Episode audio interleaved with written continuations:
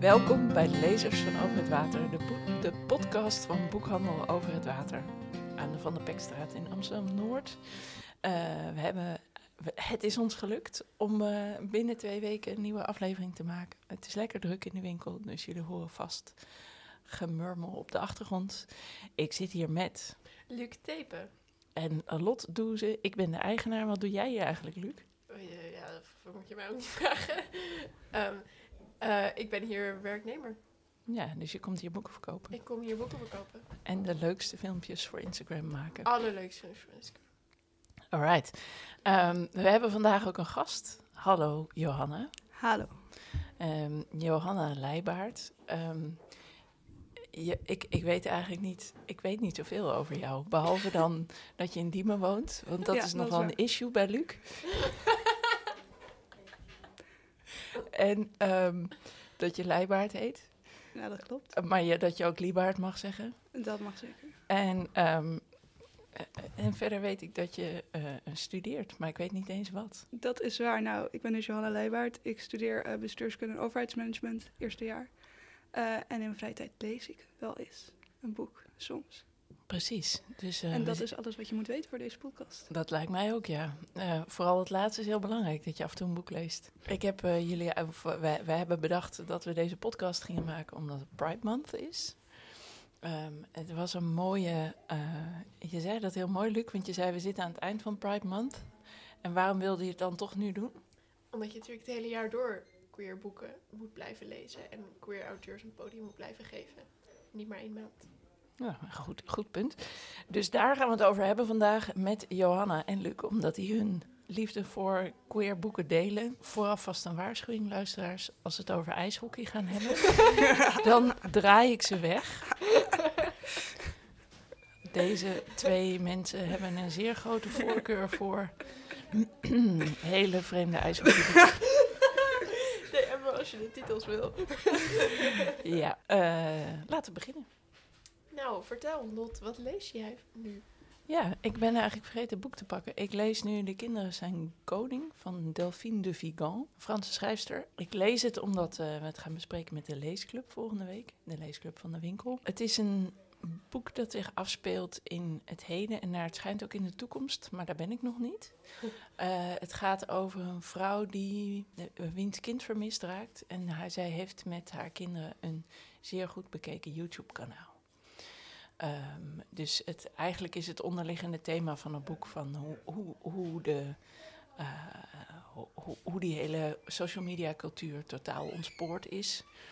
Ehm, want de politieinspecteur die eh, haar zaak onderzoekt, die is nog uit het oude tijdperk. Eh, dus die, is, die, die kent wel al die, al die real-life shows. Al die real-life shows. Reality. Reality TV, precies. Maar ze kijkt er niet echt naar. ehm. Dus daar, daar gaat het over. Het leest heel makkelijk. Het leest echt heel makkelijk. En het is een beetje alsof je een thriller zit te lezen. Zo'n soort een beetje Nicky French-achtig boek. Mhm. Dat vind ik er een beetje jammer aan. en, en dat komt namelijk omdat ik een vorig boek van eh, De Vigan heb gelezen, waarvan ik steeds de naam vergeet. Maar dat was echt een fantastisch boek, want het gaat over een vrouw die een vriendin krijgt. En die vriendin, die eerst gaat die vriendin, neemt zeg maar haar leven over. En daarna lijkt het erop alsof zij het leven van die vriendin overneemt. Dus het is, heel, het is een beetje spooky. Terwijl het Oh, wel ja. net als dit boek, heel makkelijk geschreven is en je er heel makkelijk overheen leest. Maar op een gegeven moment denk je, er is hier iets heel vreemds aan de hand. ja. En ik ben dus nog steeds aan het hopen op, bij dit boek dat ik ook op een gegeven moment ga denken, er is hier echt iets heel vreemds aan de hand. Maar dat is nu nog niet zo. Maar ik houd hoop. Je bent nu halverwege? Ik ben, ja, volgens mij ben ik halverwege net iets over de helft. Alright. Ik weet niet of de Vigan onder de Pride boeken valt eigenlijk. Want wat? Waar, wanneer, wanneer is een boek een queer boek? Ehm, ik zou zeggen wanneer het dan wel queer thematiek bespreekt. ehm, of queer karakters heeft. Of wanneer de auteur queer is. Stel nou dat je een queer auteur bent en je schrijft een heel erg heteronormatief boek. Ja. Ben je, is het dan een Pride boek? Of is het dan een queer boek? Nou, ik denk dat je hem wel, zeg maar, als je zegt, eh, ik lees hem voor Pride Month, want de auteur is queer, dat, dat wel, maar ik zou het niet een queer boek noemen. Want in principe lees je natuurlijk een boek en je leest niet een auteur. Ja, dat is waar. Dat is een, dat is een mooie, ja. Je leest een boek, niet een auteur. Ja, ja. Maar dat betekent eigenlijk dat jullie ook zeggen, lees in Pride Month... of lees überhaupt meer boeken met queer thema's in plaats van queer auteurs. Klopt dat dan? Niet per se. Ik denk als je vraagt wat is een queer boek, dan inderdaad wat Luc zei, als je het boek leest en kan zeggen, nou dit is een queer boek. Zonder eh, eerst je Wikipedia search te doen, oh wie is de auteur? Ja. Dat bedoel ik meer. Oh ja. Je moet niet zeg maar eh, context hebben of achtergrondinformatie om te kunnen zeggen dat een boek queer is. Ja. moet zeg maar in het boek zitten, vind ik. Ja, precies. Ja, dat vind ik een helder onderscheid. Hebben jullie dan nu dat je denkt, oh nu vallen zes van onze tips af? Bij mij niet. Nee. Als je meer queer verhalen wil lezen of er meer over wil leren of et cetera. Ik denk dat een queer boek is waar je dan voor moet grijpen. En als je zegt, ik wil meer wat doen aan de positie van queer auteurs, dat die minder een podium krijgen. Of ik wil meer ruimte maken voor queer auteurs in de literatuurwereld. Dan kun je ook een heteronormatief boek van een queer auteur lezen, zou ik zeggen. Snap ik, snap ik. Maar wat is een queer thema? Ehm, ik zou zeggen wanneer er een karakter queer is. Uitgesproken queer. Wat is uitgesproken queer? Niet, zeg maar niet dat het Sherlock Holmes is. Dat iedereen is van, oh ja, die bro is echt homo, maar het wordt nooit gezegd. En ik zou ook nog zeggen wanneer die karakter een grotere rol heeft. Zeg maar als de beste vriendin die in twee pagina's voorkomt lesbisch is, dan zou ik het niet een queer boek noemen. Ben je het daarmee eens, Johanna? In principe als je een queer personage erin hebt, telt het voor mij denk ik wel als een queer boek. Ja, ik moet er even over nadenken, omdat stel nou dat het er niet over gaat. En is queer trouwens, heeft dat alleen met seksuele en romantische voorkeur te maken? Nee, het kan ook je gender zijn of ehm, of je überhaupt seksuele of romantische aantrekkingskracht voelt. Eh, maar wat jij zegt, ik heb daar een van mijn boeken die ik mee heb genomen, die sluit daarop aan. Dat is namelijk Pet van Mhm. Aquake en Maisie. En dat is een, is een boek wat qua plot niks met queer zijn te maken heeft, maar het hoofd, de hoofdpersoon is trans. En dat wordt ergens in een soort zin gezegd van, oh ja, want ze moet even hormonen nemen of zo. En Mhm. dan vind ik, dat vind ik wat anders dan het ligt eronder, maar het wordt nooit uitgesproken. Want dit is een, een, een duidelijk queer persoon die gewoon verder andere dingen doet. En dat vind ik dan goede representatie, want we zijn niet de hele dag bezig met, oh, ik ben zo queer. Maar als het, als het ook niet gezegd wordt, dan zou ik niet zeggen dat het... Maakt het dat daardoor een ander boek? Zeg maar, kan je in de rest van het boek lezen dat het personage trans is als je het Nee. niet weet? Als je over dat ene zinnetje heen leest of je denkt, oh ja, die slikt hormonen, want die is in de overgang of zo. Ze is 13, maar... Oh, of zo. Nee, ze is wel wat ouder dan dat, maar... Dan, dan lees je het verder hetzelfde, zou ik zeggen. Ja, dus je, mer- je merkt het niet aan het verhaal. Dat denk ik niet. Oké. Het is alweer even geleden dat ik dit boek heb gelezen. Maar... Is dat dan genoeg representatie? Nou, voor mij, omdat ze de hoofdpersoon is, zeg ik van wat fijn, want we laten hiermee zien dat, weet je, transgender personen ook met andere dingen bezig zijn. Want ik heb het gevoel dat veel ehm, transgender media en transgender en, en überhaupt queer, dat het heel erg is van, oh, dit queer boek gaat over iemand die uit de kast komt. Of dit queer boek gaat over iemand die uit huis gegooid wordt omdat hij queer is. En ik ben van, maar we kunnen ook laten zien dat we ook gewoon. We zijn verder gewoon heel normaal. We zijn, nou, dit is ook heel normaal. Sorry. Dat je identiteit meer is dan je queer Ja, zijn. precies. Ja. Ja. En we zijn, we, er, er gebeurt veel meer in ons leven dan het feit dat we queer zijn. Oké, ehm, en nu ga ik even de advocaat van de duivel eh, vraag stellen. Maar als je het dan niet merkt voor de rest van het verhaal, waarom is het dan nodig dat iemand... eh, dan, kan je, dan kan je ook denken, Sherlock Holmes was geboren als Sherry Holmes. Kan ook, alleen door te benoemen kun je het normaler maken. Ja, mag ik dan je deze stelling in de mond leggen dat je zegt... als je, je leest queer boeken om queer normaler te maken? Ja. Oké. Oké, ben je het daarmee eens, Johanna? Ja, nou, je ligt eraan inderdaad waar, wat Luc eigenlijk hiervoor al zei, waarom je boeken leest. Zeker inderdaad het idee van representatie is om, dat, in- om het normaal te maken inderdaad. Eh, maar je kan natuurlijk ook queer boeken lezen omdat je zelf queer bent en je wil zeg maar je gevoelens of zo herkennen in een boek. Of je kan inderdaad een queer boek lezen omdat je eigenlijk gewoon wil dat je een personage ziet dat queer is, maar dat, dat het hele boek daar niet over gaat. Heb je van een van deze voorbeelden, eh, een van deze manieren een voorbeeld? Ik denk, ik lees queer boeken omdat, ja, omdat mijn leefwereld best wel queer is natuurlijk. Dus dat sluit er eigenlijk gewoon goed op aan. Ja. En Dus het is herkenning, zou je dan kunnen zeggen. ja, en ik vind vaak, wat Luc inderdaad zegt, dat vaak gaan boeken over, of lees je in een heel boek wel dat iemand queer is. Dus inderdaad eh, zijn er gevoelens en zo. Ik vind dat altijd heel interessant, zeg maar een beetje geïnternaliseerde queerfobie. eh, zeg maar dingen niet willen toegeven. Queer zijn eigenlijk je hele gedrag kan bepalen als je er, zeg maar, eh, pro- problematisch bent opgevoed. Ik vind dat gewoon heel leuk om te lezen. Dus dat, ik denk de meeste boeken die ik lees, vind ik leuk om echt over na te denken oké, waarom doet deze personage dat? En dan, misschien is het omdat diegene dan queer is. En daar haal ik gewoon heel veel plezier uit. Ik hou er veel plezier uit wanneer, mensen, wanneer queer mensen problematisch zijn opgevoed. Nee, maar Maar is dat... Nee, maar En eigenlijk is de struggle die iemand dan doormaakt om diens plek te vinden in de wereld, dat is wat je, waar je voldoening uit haalt bij het lezen. nou niet per se, want ik ben ook een hele grote fan van tragedies. Dus Dus eigenlijk als het niet goed afloopt, is dat bevredigender om te lezen als het om een queer karakter gaat? Is het niet zo? Ik, ik zou me kunnen voorstellen dat als je eh, je identificeert als queer, dat het dan juist heel leuk is om een tragedie over een hetero Want het Ja, zijn geen twee kampen. hè. Het is niet dat wij zeggen, oh, alle hetero's op het vuur. ik heb dat natuurlijk ook heel lang gedaan. Want ik lees pas, denk ik, sinds een paar jaar überhaupt queer boeken. Mhm. Dus ja, sure, lang genoeg eh, boeken met alleen maar hetero personages gelezen en leuk gevonden. En ook met die personages, zeg maar, meegeleefd natuurlijk. Het springt me wel echt veel meer aan als ik bijvoorbeeld zie op de achterkant dat een eh, personage queer is. Of bijvoorbeeld wat ik, ik hou wel ook van oudere boeken. Dus dan vind ik het leuk om te weten van, oh, dit eh, personage kan niet openlijk queer zijn, want dan zou het boek worden gecensureerd. Maar ik weet het, de auteur wist het. En het is gewoon een beetje ons dingetje. En dan in alle details te gaan lezen. eh, van, oh, deze, dit ene woord betekent vast dat. Of is waarschijnlijk zo erin gezet.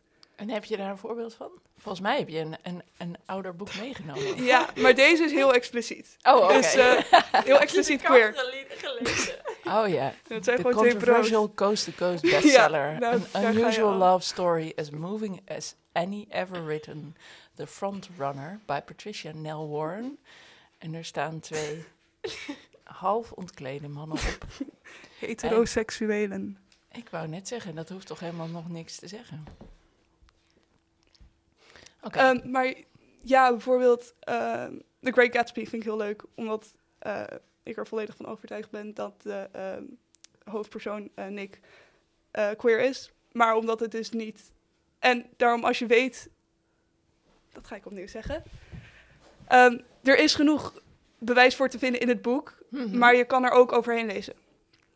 En dat vind ik dus leuk. En dus bijvoorbeeld de eh, eerste versie van mijn favoriete boek, The Picture of Dorian Gray, eh, moest herschreven worden om uitgegeven te worden, omdat het te, quote-unquote, homoerotisch was. Mhm. Ehm, dus daar zijn zelfs te, de te gay stukjes zijn eruit gehaald. Eh, maar toch kan je het erin lezen. En dat... Ja, en dan heb je dus ook weer, zeg maar, personages die in een ander tijdperk zijn opgegroeid. Dus andere normen en waarden hebben. En dat vind ik dan weer heel leuk. Ja, Ja, dat snap ik, snap ik. Ehm, eh, ik vertelde laatst aan Luc. Er is een, eh, een, het, het eerste openlijke, nou ja, in ieder geval goed te lezen eh, dat het over homoseksuelen gaat, boek eh, in Nederland. Ik weet niet of het het eerste is, maar vrij vroeg uit, ik geloof, 1920 of zo. Dat heet Pijpenlijntjes. En mhm, van Jacob Israël de Haan. En, Johanna eh, knikt agressief. ja. Eh, en eh, zij, of hij bedoel ik, ehm, is dus ook daarop heel erg aangevallen. Op dat openlijke, dat je er heel goed in kunt lezen dat de twee hoofdpersonen homoseksueel zijn. Ehm, dat is overigens echt een aanrader, want het is, ook, het is een heel mooi boek. Wat ik er leuk aan vind, is dat het hun liefde, hun relatie, wordt als heel vanzelfsprekend gebracht. Dus zelfs in zeg maar, de jaren twintig van de, van de 20e eeuw had hij een manier gevonden. Of, het is zo leuk dat het toen al vanzelfsprekend kon zijn. Of misschien kon het toen alleen maar vanzelfsprekend zijn, omdat je het niet expliciet mocht doen. Dat spanningsveld of zo, dat vind ik eh, heel leuk om daarin te lezen. Eh, het speelt in Amsterdam, dat is natuurlijk ook nog leuk. En die, die hele normale relatiestruggles van dat je verschillende ambities hebt en verschillende momenten in je leven zit en zo. Dat komt, en, en de omgeving ook wel. Dat, dat komt daar heel mooi in terug. En ik denk dat dat een beetje is wat, jij, wat jou dan ook, kan ik me voorstellen dat ik jou hoor zeggen, dat is wat mij aanspreekt. Als, je, als, het, als het door de omgeving ook een beetje, eigenlijk niet zo heel expliciet is. ja, tip nog eens een boek. Wat is het beste queer boek dat er is? Nou, dit, deze past ook gewoon bij wat we net aan het hebben zijn. Wat we net bespraken. Mhm. Ehm, en dat is After Sappho. Selby Wynne Schwartz. Ja. Dat is eh, een boek wat gaat over allerlei verschillende vrouwelijke en dan vooral lesbische auteurs en kunstenaars. eh, helemaal aan het begin van de 20e eeuw. En, en die hebben dus ook allemaal hun eigen, inderdaad, struggles met we kunnen het niet expliciet zeggen. En, maar we vinden elkaar wel. En het gaat heel erg over hoe moeilijk het was, maar het is ook heel erg vol hoop.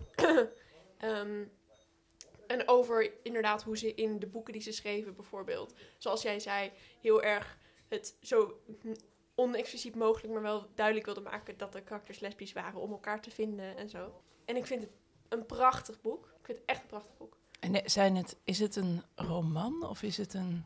Het is speculative fiction, geloof ik. Dus het is een beetje of zeg maar gebaseerd op feiten, maar niet helemaal. Oh ja, zo van eh, what if-achtig. Een beetje, ja, ja, ja. Mhm. Het is niet helemaal ehm, op een normale manier geschreven. Het zijn zeg maar hele korte fragmenten steeds over karakters. Die komen ook wel terug af en toe en soms ook niet. En ik kan het niet zo goed uitleggen. Het, het wordt eigenlijk is het boek alsof al die vrouwen samen het jou vertellen. Want het zegt dus ook we, hmm, hmm, hmm, we met her. Alsof ze samen een stem vormen om jou dat verhaal te vertellen. Maar ook zijn ze wel echt hun eigen personen. Oh, dat klinkt eigenlijk wel echt in, heel interessant. En die we die je hoort, de- is dat, heb je het gevoel dat het begint met een eh, één persoon of, en dat er dan steeds eentje bij komt? Of is het veel meer als zo van, kijk, wij zijn een groep en dit is deze stem uit de groep, dat is die stem uit de groep. Snap je, snap je wat ik Ehm, bedoel? Nou ja, het begint een beetje opbouwend. Dus het begint met, eh, volgens mij, Lina Poletti. En zij, begint te vertellen met hoe zij, ah, zeg maar, haar, eigenlijk haar mensen probeert te vinden.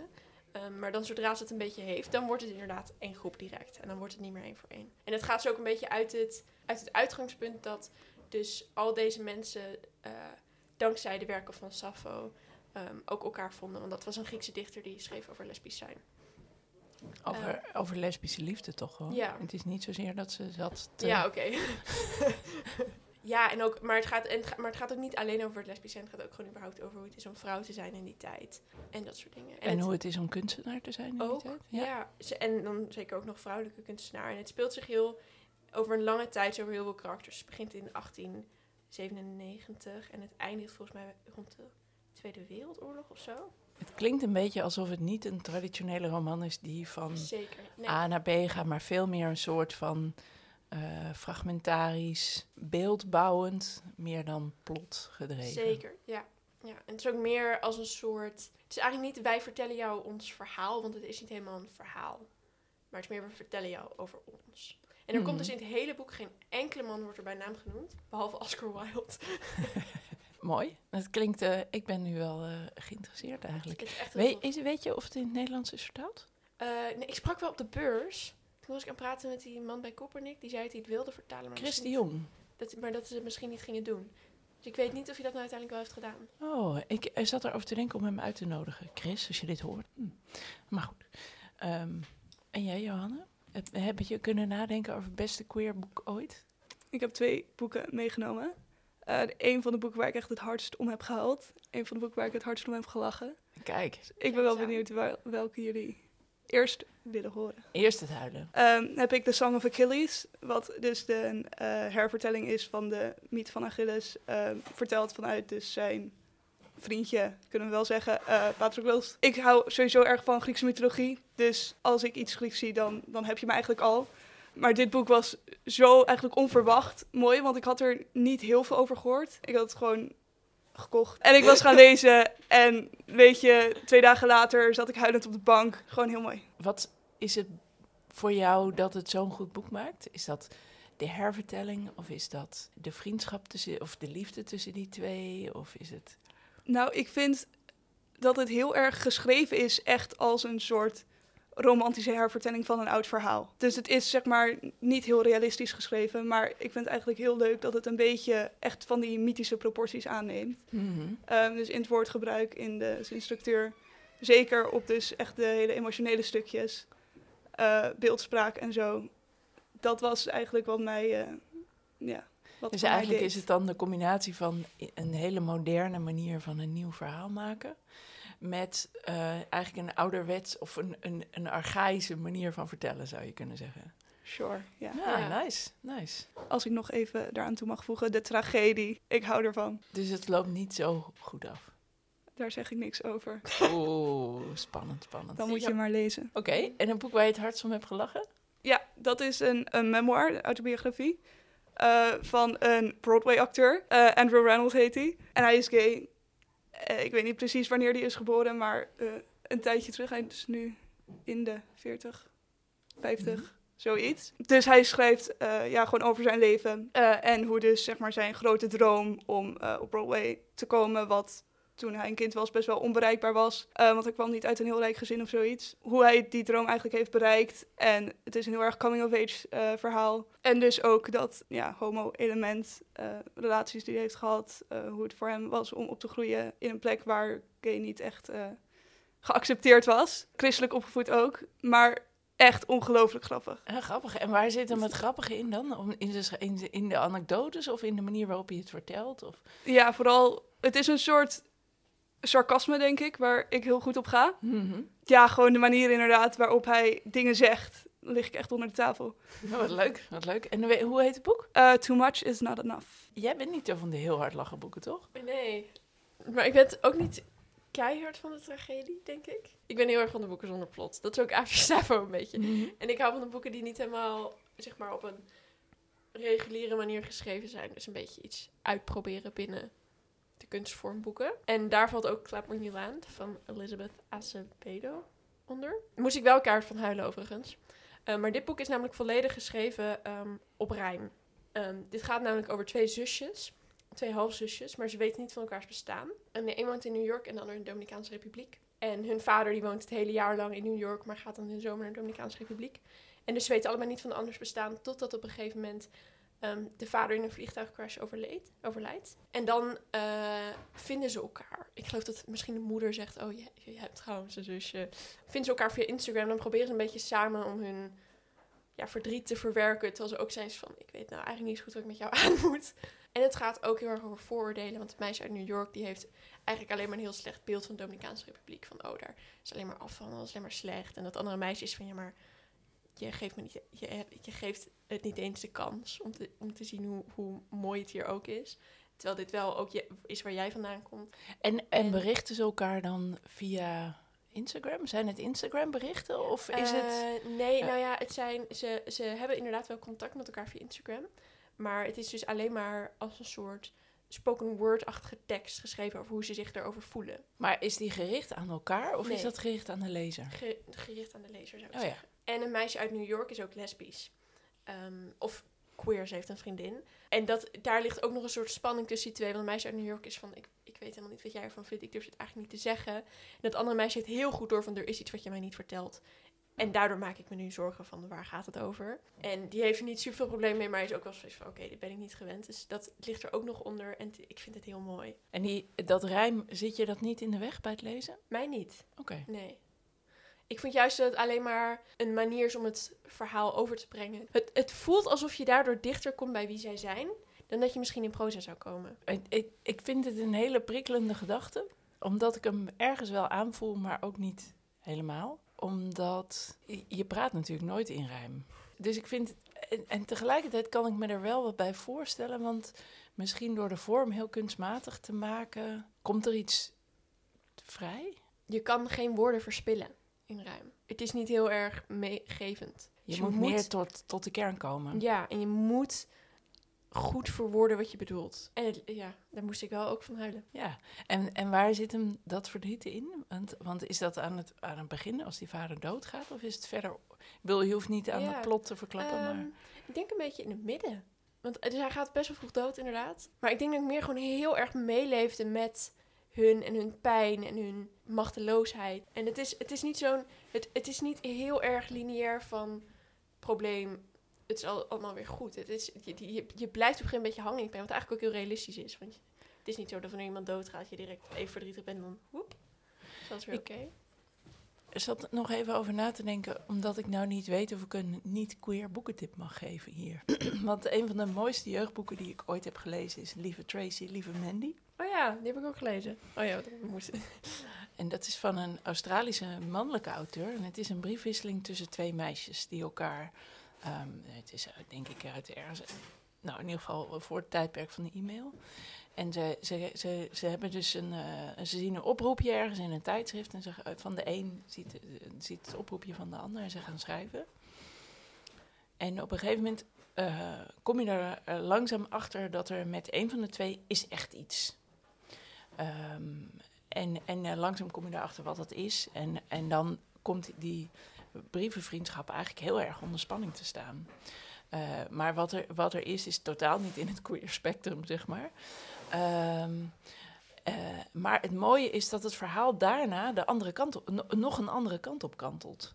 Ja. Eh, en wat ik, er heel wat ik er zo mooi aan vind. En ik vraag me af of dat misschien ook voor jullie geldt met het lezen van queer boeken. Eh, wat ik er zo mooi aan vind, is dat het de heel veel kantigheid van het dagelijks leven laat zien. Dat je als je iemand ontmoet, eigenlijk maar alleen maar de buitenkant ziet.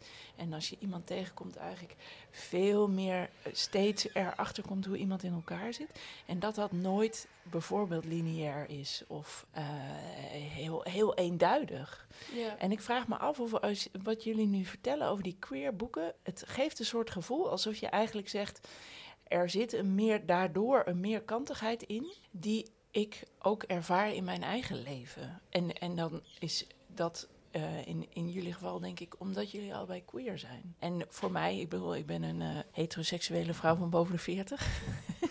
Eh, ik heb veel meer dat gevoel dat ik mijn hele leven op zoek ben naar boeken die juist die meerduidigheid van het leven laten zien. Terwijl heel veel romans heel erg in die het leven eenduidiger maken. Ja. Voorstellen dan het is of zo.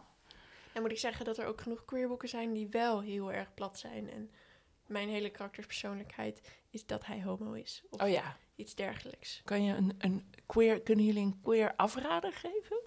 Ja, maar ik ga even een disclaimertje geven. Ik heb het boek gelezen, ik denk volgens mij gewoon in één nacht. Een jaar of twee geleden. Dus het is heel leesbaar. Dat wel, dat wel. Ehm, ik weet niet hoeveel, hoe erg mijn mening hier echt ertoe toe, toe doet. Ik vond het boek van Brokeback Mountain echt niet mijn tijd waard. Oké, In- in- interessant, interessant. En, en waar zat hem dat in? Ja, nou, ik vond het vaag. En ik snap de helft van de tijd niet wat er gebeurde. Ik heb het gevoel, maar dat kan ook gewoon de herinnering zijn... dat zeg maar de homofobie mij gewoon een beetje te veel werd, eigenlijk. Oh, dus dat ja. is niet per se een reden dat het een slecht boek is of zo.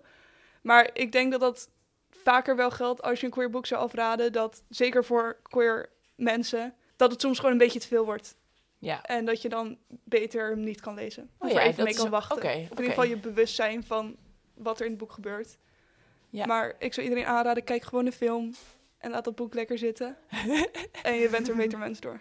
Oh ja, maar dat is dus, dus eigenlijk is dit je queerboeken afraden omdat je zegt het is het, het speelt heel erg eigenlijk om het dan maar even zo te noemen in op queer anxiety. M- maar waar we het net over hadden was ehm, dat een personage gereduceerd is tot zijn dat het eigenlijk te plat is geworden. Is een van jullie daar een voorbeeld van? Ja, ik kan er dus echt heel veel bedenken. Ja. Ik ging ook even door mijn Goodreads scrolling. Ik dacht, oh ja, deze, oh ja, deze, oh ja, deze. Bijvoorbeeld Between Perfect and Real. Ik, Oké. weet, ik weet de auteur even niet meer. Het is een boek gaat over een jongen die uit de kast komt als transgender naar zijn ouders en zijn school. Zijn hele persoonlijkheid en alles wat er in het boek gebeurt, draait alleen maar om het feit dat hij transgender is. En er is ook nog een soort subplot dat hij naar een toneelschool wil gaan, maar dat is echt, het is alleen maar van, oh ik wil naar een toneelschool, maar ik weet niet hoe ik dat moet doen met mijn transgenderheid. Dan denk ik zo, oké, maar vertel me nog iets anders. Alle subplots met iedereen. Hij heeft het moeilijk met zijn vriendinnen, van die vinden moeilijk die transgenders. Hij heeft het moeilijk met zijn ouders, van die vinden moeilijk die transgenders. Hij heeft het moeilijk op school. Ik ben zo, oké, iets anders. En het enige wat hij er alleen maar van kan denken is, oh ja, eh, het is allemaal moeilijk, want ik ben transgender. En, eh, ik ben transgender. Ik zo, oké. En dat is dus dan niet meer herkenbaar omdat het omdat het omdat er iemand alleen maar gereduceerd is tot dat. Ja. Ja. En ik was van, en dan zijn er, dan waren er steeds een soort opzet om iets neer te zetten. Dus dan gaat hij op een gegeven moment, volgens mij gaat hij met een hele groep andere queer mensen, dan heeft hij eindelijk soort community gevonden, een soort comedy night. En dan denk je, oh, nu wordt het leuk. En is van, eh, ik ben transgender. Uh. Ik ben zo, oké, kom op man. Vertel even hoe het verder was. Waren er nog goede grappen of zo, weet je? En dan, ga, dan gaat hij Romeo en Juliet spelen. En dan denk ik zo, oké, leuk. Een toneelvoorstelling is van, oh ja, ja, ja, ja, ik moet een vrouwenrol spelen. Dat vind ik stom. nu weet ik het wel. Ja, oh ja, dat snap ik wel, ja. Ja. Of ehm, een ander voorbeeld waar ik ook direct aan dacht, heet Date Me Bryson Keller. En dat plot is ongeveer dat er een soort populaire jongen is op een school. En vanwege een soort dare heeft hij elke week een nieuwe relatie. Want Mhm. mensen zeggen tegen hem, haha, jij valt nooit voor iemand. We gaan dat testen.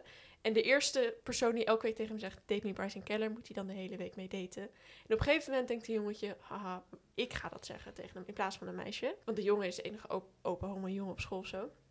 Dan hij en Bryson Keller de hele week daten. Die jongen is helemaal verliefd op Bryson Keller, Bryson Keller helemaal niet. En dan worden ze op een gegeven moment samen gehatecrimed. Omdat ze hand in hand over straat lopen. En dan denkt Bryson Keller, oh, ik vond dit wel zo sneu. En ik vond dit heftig. Oh, en trouwens, nu hou ik van je. En die, die hoofdpersoon, die was ook alleen maar... Nou ja, die had ook niet heel erg persoonlijkheid. Behalve dat hij altijd te laat kwam. En dat hij homo was. En dan die Bryson Keller, die was een beetje...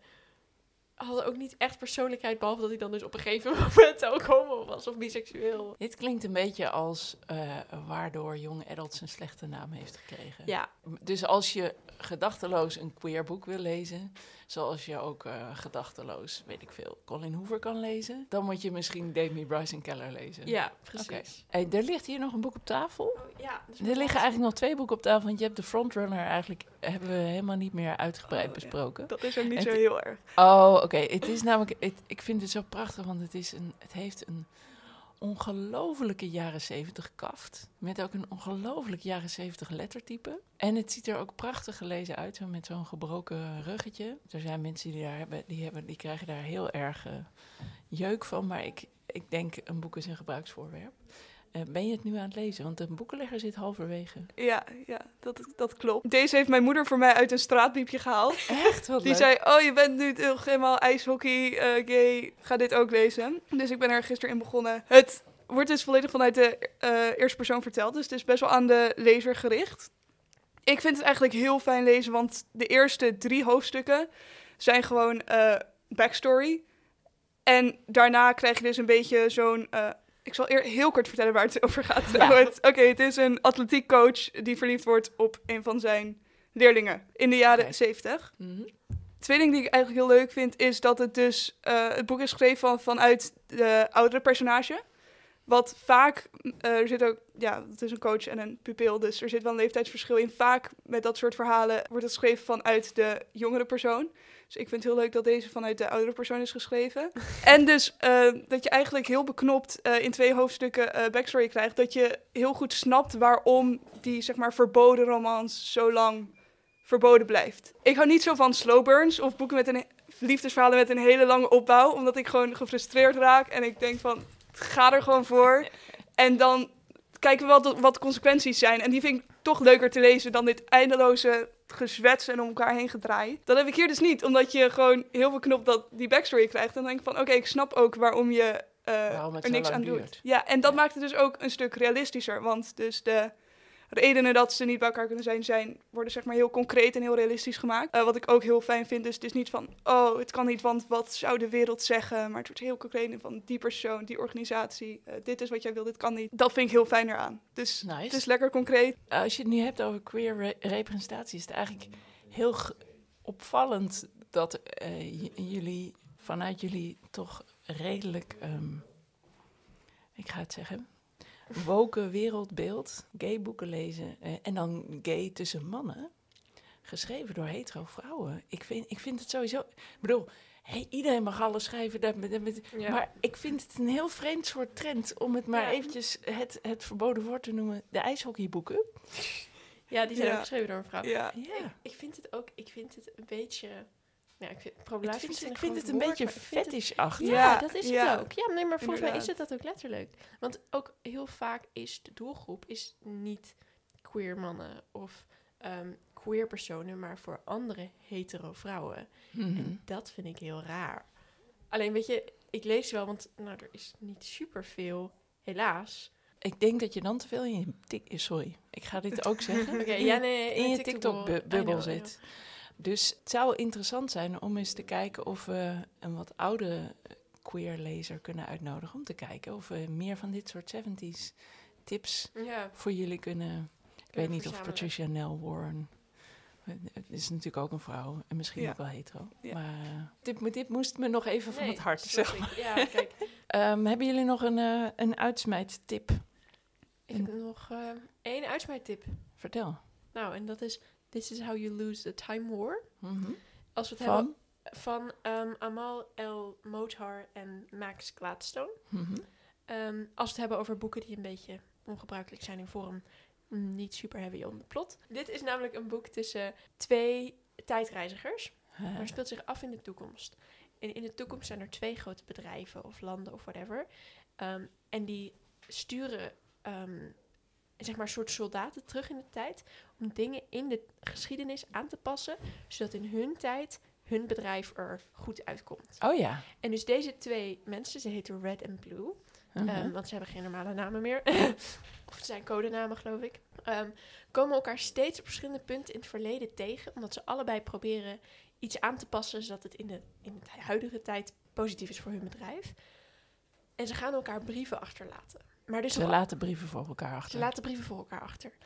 Op allerlei heel erg onlogische manieren. Dus zeg maar, een soort van... Je kan de brief lezen en die kun je vinden in het bloed van een zeeotter in 17 nog wat in Amerika of zo. Het, het, is heel, het is heel funky, maar het is, ik vind het heel mooi. en je leest ze dus om en om van hoe zij op hun missie gaan en dan die brief vinden. En dan de ander weer op missie gaat en die brief vinden. Er zijn twee vrouwen. Eh, ze worden verliefd. En dan aan het einde proberen ze een manier te vinden om samen te zijn Bij elkaar te komen. bij elkaar te komen. Oh, klinkt ook echt heel interessant. En het is, ik, het, het is echt, het is, Maar er zit dus, maar je, je, je zei dat het wijn, het klinkt heel plotgedreven. ja oké, er is ook wel een beetje plot, alleen het duurt even voordat het echt van start komt. Want eerst is het eigenlijk gewoon alleen maar dat ze elkaar die brieven sturen. Oh ja, oké. je volgt ook niet heel erg de daadwerkelijke, zeg maar, oorlog. En het is ook heel nog, nou ja, er zit zo heel veel soort van hintjes in over wat er gaat gebeuren, soort van in de taal en... Ja, en het- soms is het ook onverwacht grappig, want op een gegeven moment hebben ze iets van, we kunnen elkaar niet meer bij onze namen noemen. Dus dan schrijft Red naar Blue alleen nog maar als Blue dabadi dabada. Dat vind ik ook gewoon heel grappig van dat liedje. En ja, ik vond het heel mooi. Leuk, leuk. En jouw laatste tip? Oeh, ik ga een klein beetje vals spelen. Ik ga een serie tippen. Ehm Magnus Chase en de Goden van Asgard. Eh, officieel kinderserie Van Rick Riordan. van Rick Riordan, Mhm. ja. Genderfluid personage. Super voor als je op zomervakantie gaat deze zomer en je hebt nog wat te lezen nodig. Oh, wat cool. Wat leuk. Ik wist niet dat hij, eh, dat, hij, dat, hij, dat die serie van Riordan, dat hij op die manier in elkaar zat. Leuk. En echt weer ongelooflijk grappig. Ik hou om, zeg maar, ervan om gewoon dingen te voelen als ik wat lees. Dus of gewoon hartverscheurende tragedie, of gewoon heel hard lachen. En dit boek valt zeker in de heel hard lachen categorie. Met ook echt super veelzijdige personages en eh, weer mythologie. Dus je leert er echt een hele hoop van. En dit, want Rick Riordan is de, de auteur van de boeken over ehm, Percy Jackson. Percy Jackson. Percy Jackson. Dat, dat, zijn, eh, dat gaat over de Griekse mythologie. Ja. Maar Magnus Chase is niet over de Griekse mythologie, Nee, dat toch? is Noordse mythologie. Ja, ga lezen. En hoe, hoeveel delen heeft die serie? Oeh, drie uit mijn hoofd. Oké, oké. En we hebben je natuurlijk eigenlijk alleen maar uitgenodigd zodat je voor ons vegan kon bakken. Want Johanna is vegan. Want dan kan jij het vegan bakboek van Enzo Perez Enzo. Labordet, kan jij dan voor ons uitproberen. Hij heeft eh, heel Holland Bakt gewonnen vorig jaar, maar hij is eigenlijk ook al een bekend prentenboekenmaker. En hij is queer, dus het past er bij. En hij is ook nog queer. Nou ja, wat wil je nog meer? Nou, we willen het eigenlijk gewoon proeven. Ja, ik heb tapas vlinders gemaakt. Wat erin zit zijn olijven, zongedroogde tomaten en kappertjes. In bladerdeeg gerold. Ik heb wel geleerd dat wij een hakmolen thuis hebben. Ik heb geleerd wat een hakmolen is. Ik heb geleerd hoe je hem gebruikt. Ik heb geleerd dat dat echt een heel cool ding is. En supergoed werkt. Dus dat is mijn laatste tip voor de dag. Ga deze zomer lekker je eigen tapas maken. Eh, en gebruik erbij een hakmolen, want het scheelt je heel veel werk. Ik heb er al één op. Ik heb er al twee op. Heb je er al twee op? Ik vind ze echt heel lekker. Ik vind ze ook heel lekker. Het is een soort tapenade, denk ik. Het, is, het heeft iets van een... eh, ik, ik vind het een beetje op een verrekijker lijken qua vorm. Ja, Ja, ik, het, het is heel smaakvol. Het is eh, inderdaad... eh, het is tapenade. En je maakt het dus in vegan bladerdeeg dan, denk ik. Heb je, je, heb je ook naar de andere recepten gekeken? Is het ingewikkeld? Nee, deze is echt heel simpel op te maken. Eh, en het meeste bladerdeeg is vaak van zichzelf al vegan, dus dat helpt ook. Oh, dat is handig. Ja. Ah, Behalve als je roomboterbladen Ik wou dat net zeggen. Ik, Precies. Precies. Dus als je zeg maar vaak als je het goedkoopste merk koopt, dan heb je de vegan. ja. Goeie En tip. als je duurder merk koopt, dan heb je roomboter erin. Ah, kijk, eh, je dacht dat je nog maar één tip over had voor deze dag. Maar, ik zit vol met tips. En dan moet je, moet je verder, voor het bakboek, moet je veel eh, specifieke producten in huis halen? Of is dat wat je toch al hebt, omdat je zelf vegan eet? Nou, het viel me wel op dat de meeste eh, dingen vrij specifiek zijn, maar het zit allemaal al in de naam. Dus dat helpt. Ja, een hoop uit mijn hoofd dingen met noten en wel, ik denk, wat meer specifieke vegan producten. Eh, maar ik heb deze inderdaad gekozen omdat ik wat hardigs wilde maken en omdat dit eh, vrij simpel leek. Dus Ja. minder kans om te falen. Dus het boek heet Heel Holland bakt vegan van Enzo Perez Labourdet. En we hebben echt gigantisch veel boeken besproken, dus dat wordt nog een goede klus om die allemaal in de show notes te zetten. Ehm, en wat we niet moeten vergeten te zeggen is dat we op 21 september vi- vieren dat de winkel 10 jaar bestaat. Met Ode aan de Literatuur in het Zonnehuis aan het Zonneplein. Ehm, we hebben een prachtige literaire avond zijn we aan het samenstellen met onder andere Marjolein van Heemstra, eh Marion Slop en Christine Otte. En eh, natuurlijk bekend van de podcast Ilse Lazaroms. En meer. De kaartjes kun je vanaf nu kopen in de winkel, of die zijn al te kopen in de winkel.